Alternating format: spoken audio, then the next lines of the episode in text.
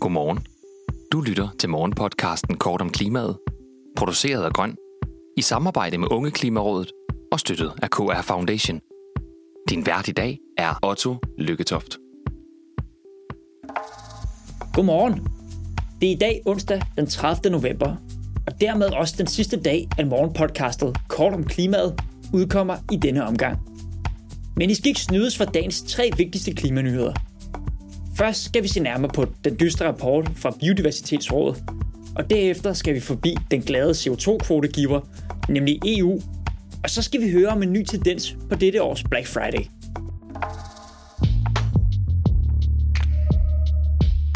Dagens første historie er en rigtig historie.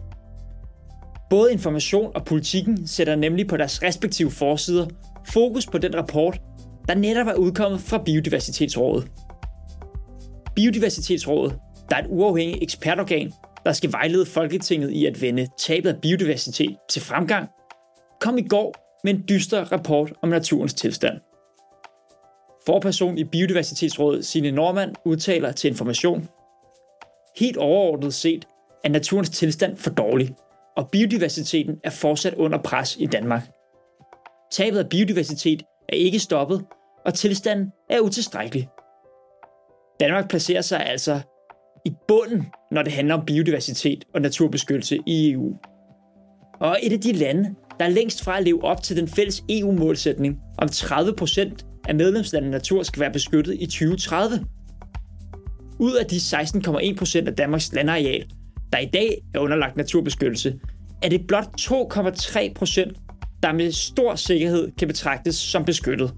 Det fremgår rapportens hovedkonklusioner. Rådet foreslår, at naturen får sin egen lov. Lidt ligesom klimaloven. Der bør indeholde et mål for, hvor meget beskyttet natur der skal være i Danmark. Og Biodiversitetsrådet skal holde øje med, om regeringens politik arbejder hen mod målene. Før valget var partierne SF, Enhedslisten, Radikale Venstre og Alternativet ude med sådan et forslag.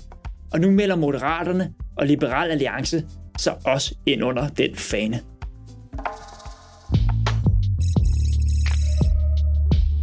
En historie, der måske er gået lidt under radaren, det er, at EU har givet flere CO2-kvoter gratis ud, end de har solgt for. Det anstår en ny rapport fra Verdensnaturfonden WWF.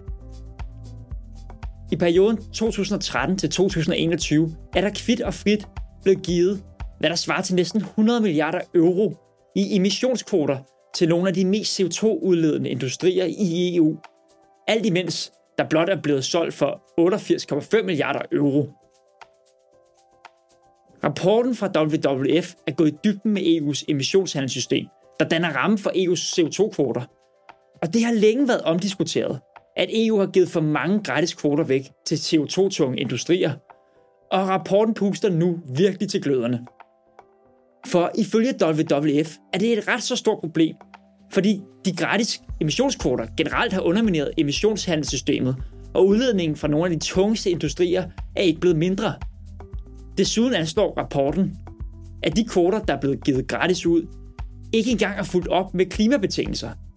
Det vil sige, at de kvoter, som i princippet skulle hjælpe med at nedbringe CO2-udledningerne i EU, samtidig generere en indtægt til EU-landene, der kunne reinvesteres i dekarboniseringsprojekter for eksempel. Det er faktisk mislykkedes langt hen ad vejen. Og rapporten gør sig også det helt groteske fund, at nogle af de uddelte gratis kvoter endda er blevet solgt videre til andre virksomheder, hvilket har ført til milliardprofitter for de virksomheder, der har solgt kvoterne videre, som de i første omgang fik gratis. Og for at gøre stemningen endnu mere dyster, så viser rapporten også, at over en tredjedel af den profit EU dog har genereret på at sælge kvoterne til virksomheder, ja, den er faktisk slet ikke gået til klimahandling, men den er landet direkte ned i EU-landenes regeringers kistebund.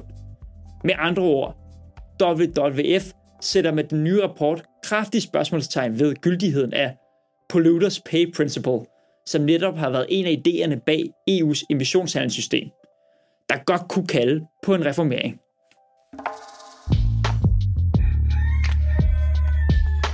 Om dagens sidste nyhed er en solstrålehistorie eller en omgang greenwashing – Ja, det vil jeg lade helt op til lytterne selv at vurdere.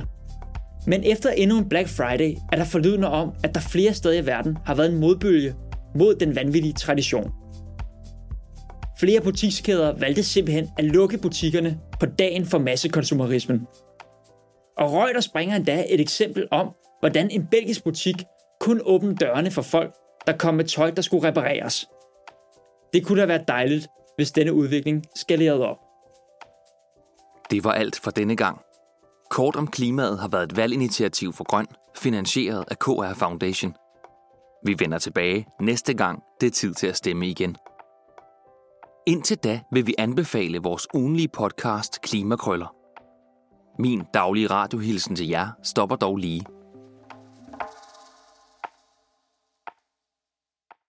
Nu.